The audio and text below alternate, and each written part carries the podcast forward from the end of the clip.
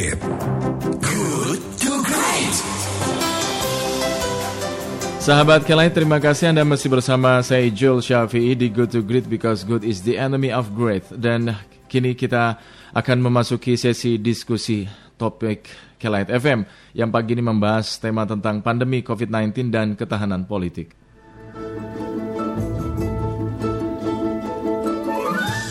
Pandemi COVID-19 tidak hanya menimbulkan disrupsi sosioekonomi, karena bahkan politik kelembagaan di tanah air juga mengalami imbas yang serupa ya.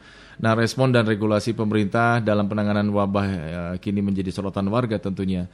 Demikian diungkapkan uh, Wawan Sobari, dosen bidang politik kreatif dan Ketua Prodi Magister Ilmu Sosial Fisip Universitas Brawijaya Malang. Menurut Wawan, hal ini bisa dilihat dari hasil survei nasional tentang kinerja pemerintah dalam penanganan COVID-19. Hal itu menunjukkan hasil relatif seragam. Survei Saiful Mujani Research and Consulting misalkan pada 9 sampai 12 April yang, yang menemukan 41% responden menilai pemerintah lambat, sangat lambat dan 52% menilai cepat, sangat cepat. Menemukan kemudian uh, sementara untuk uh, riset opini median pada 6 sampai 13 April menemukan publik yang tidak puas 40,1 persen dan puas 52,4 persen. Ini artinya respon positif terhadap kinerja pemerintah tidak absolut di uh, mata publik. Lantas pertanyaannya di tengah pandemi COVID-19 apa yang membuat respon positif terhadap kinerja pemerintah tidak, tidak absolut di mata publik? Kemudian seberapa penting sih sebenarnya kekuatan narasi dalam membangun persepsi publik dalam membingkai realitas? Untuk menjawab pertanyaan-pertanyaan tadi, kita akan melakukan perbincangan dengan narasumber yang sudah terhubung di ujung telepon, yaitu Pak Wawan Sobari, dosen bidang politik kreatif dan Ketua Prodi Magister Ilmu Sosial Fisip Universitas Brawijaya Malang.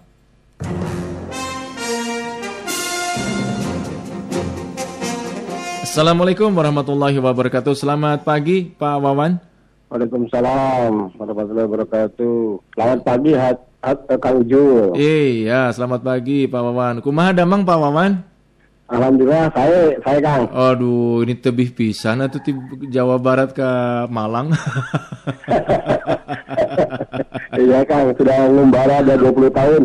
Oh, 20 tahun sudah jadi orang sana ya. Iya, sudah Arema sekarang. Iya, iya.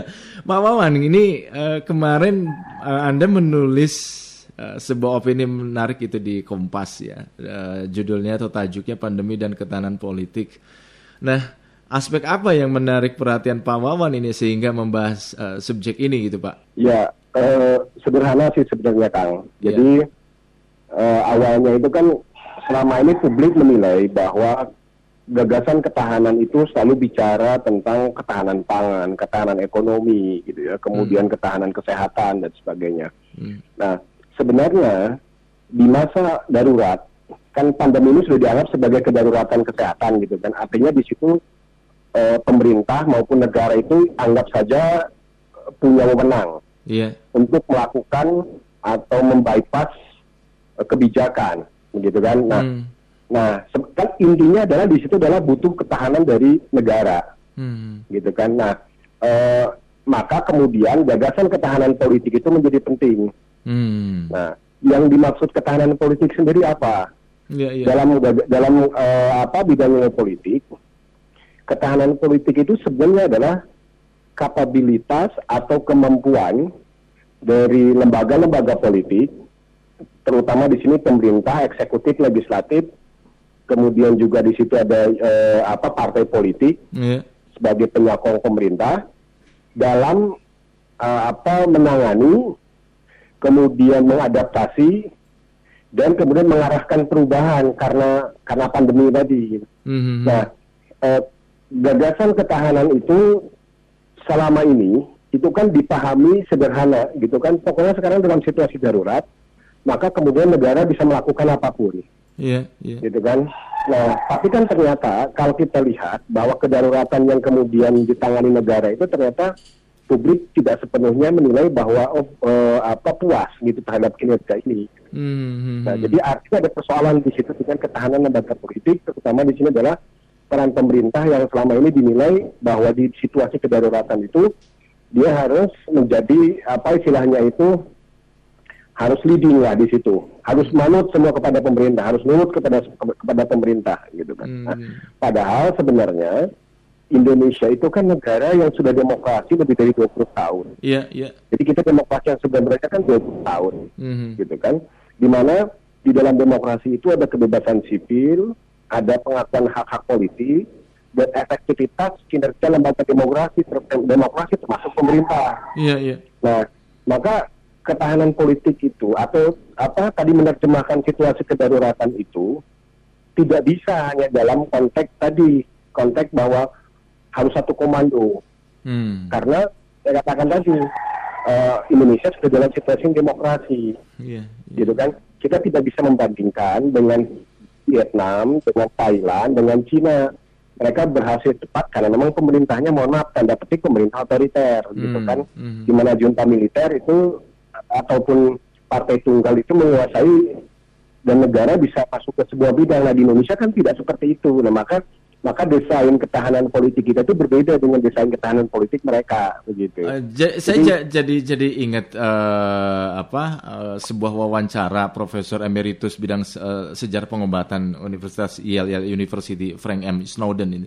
Jadi dia Ya. dalam wawancara dengan The New Yorker pandemi pandemi maupun endemi ini akan mempengaruhi stabilitas eh, struktur sosial dan ekonomi dalam masyarakat.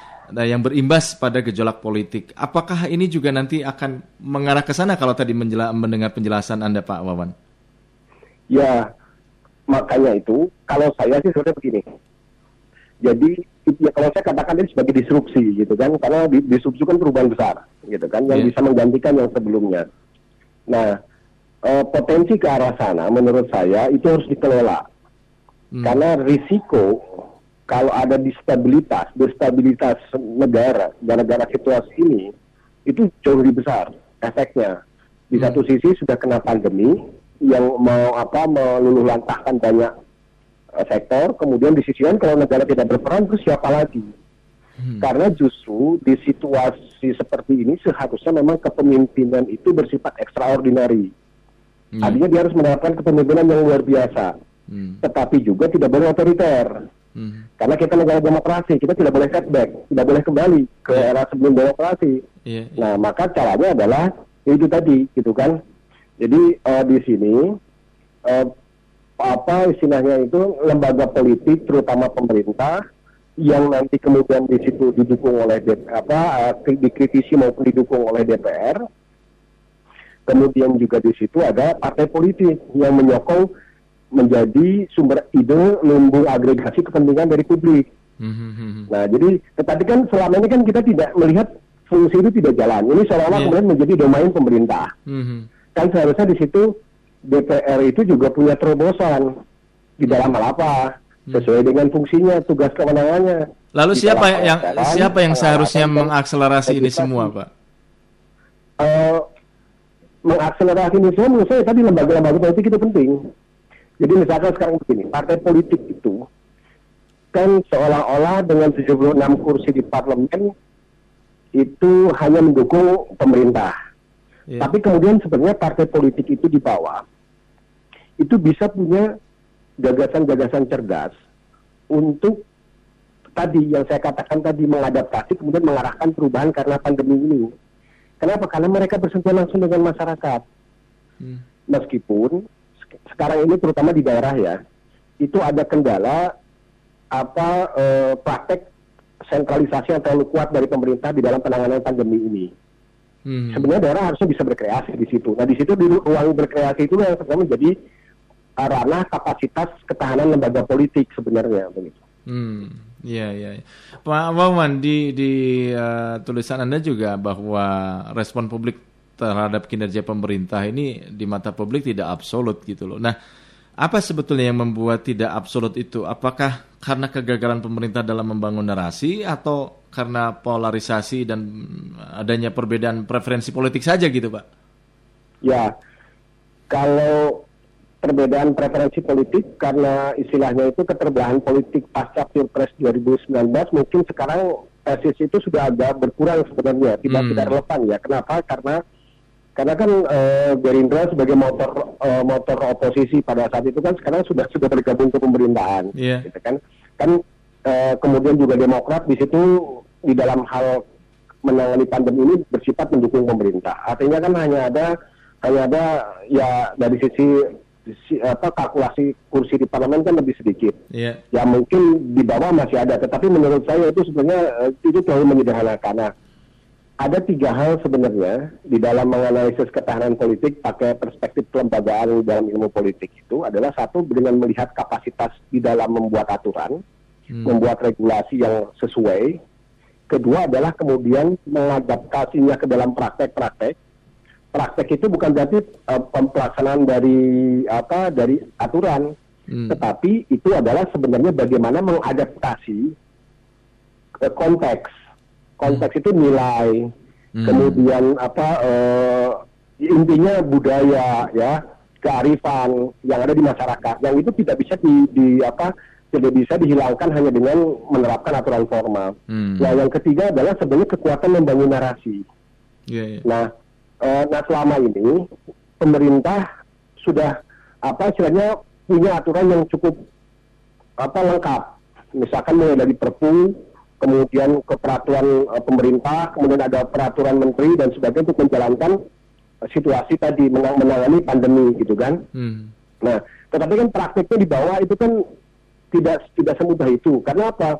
Di situ ada problem kearifan masyarakat. Misalkan eh, bahwa masyarakat tetap tidak bisa tetap tergantung. Misalkan bahwa eh, mereka tidak mudah misalkan menjalankan di awal-awal social and physical distancing gitu kan. Hmm. Kenapa ya? Karena memang itu meng- mengubah kultur orang Indonesia yang selama ini sifatnya itu komunal.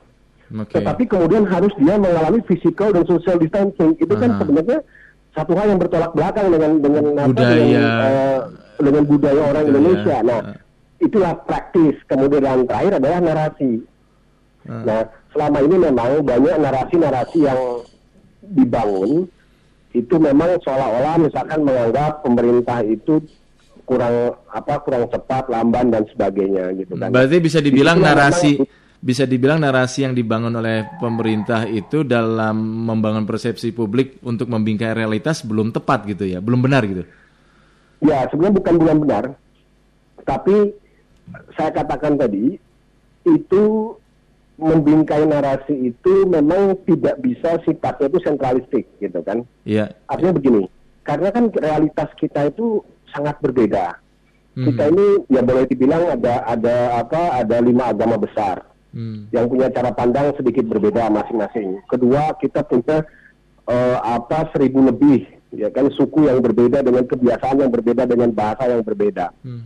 Nah, eh, menyesuaikan ke sana, membangun narasi ke sana kan tidak tidak mudah. Terus di sisi lain juga narasi pemerintah itu tidak efektif karena ya kita masuk di era digital. Iya, iya. Jadi di mana kemudian sirkulasi informasi, kemudian juga apa istilahnya itu produksi informasi itu kemudian so- bukan lagi menjadi domain pemerintah, tetapi juga ada ada pihak-pihak lain yang juga mendominasi yang sama. Misalkan gini, kalau kita lihat sekarang fenomena influencer di era pandemi, Iya. gitu kan? Anak muda lebih mendengar siapa? Apakah Dokter Tirta atau eh, pemerintah misalkan yang Hmm. dipakai jubirnya itu? Iya, iya, iya. kan iya. anak-anak lebih tertarik Dokter dengan Tirta. bahasa penyampaian dari Dokter Tirta kan? Iya, iya. Nah, maksud saya di situ narasi itu harus Hmm. dibangun kemudian secara kreatif, gitu kan? Iya, iya. Dengan eh, memang ya memang yang bercerita apa istilahnya itu kalau yang pu- punya cap pemerintah itu seolah kemudian masyarakat mulai apa tidak begitu menghiraukan tidak sebenarnya itu bisa. Iya, iya. Hmm, karena siapa melakukan apa karena apa menjadi lebih penting tentu ya. Ya itu penting untuk dijelaskan, terutama misalkan sekarang bahwa bagaimana sih sebenarnya eh, sekarang kita sudah 20 ribu lebih, ya, hampir hampir 27 ribu, 28 ribu kan kasus kita gitu kan. Hmm. Nah eh, yang apa istilahnya itu setiap hari dipublish, Iya. gitu kan. Nah eh, bagaimana itu kemudian misalkan angka-angka itu coba disederhanakan menjadi bahasa yang eh, sederhana.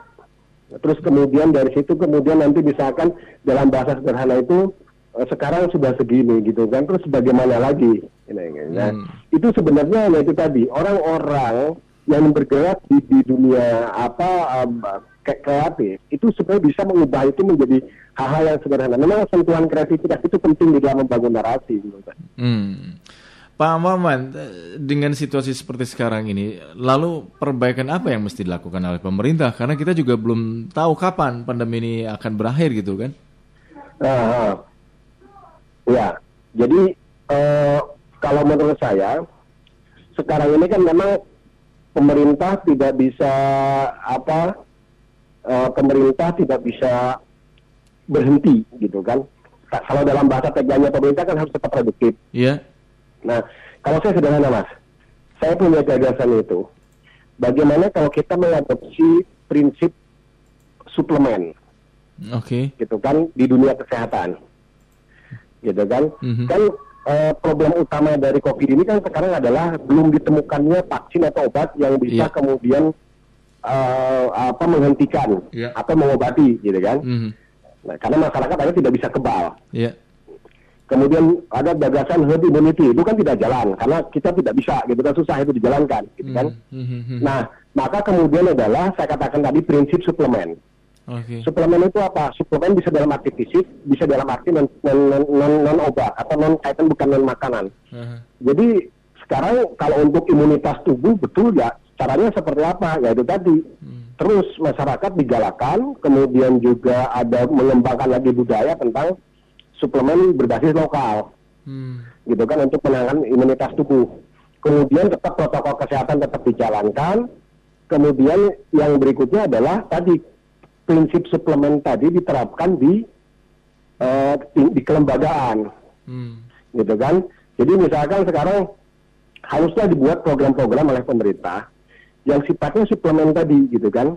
Ya, ya. Jadi dia untuk tetap men, apa, me, me, apa, mengantisipasi atau daya tahan dari lembaga-lembaga tadi kinerjanya. Hmm. Misalkan apa?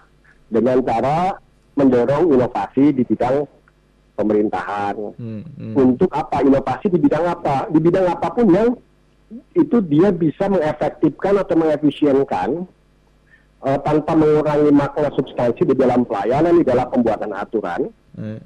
tetapi tetap dengan protokol kesehatan gitu kan tetapi dia tetap bisa mengakselerasi atau bisa tetap menjaga tadi daya tahan bekerjanya pemerintah tadi hmm, hmm. Nah misalkan saya eh, dengan teman-teman di tim di kampus ini sekarang misalkan bagaimana kita mendorong eh, inkubator inkubator inovasi di fakultas hmm.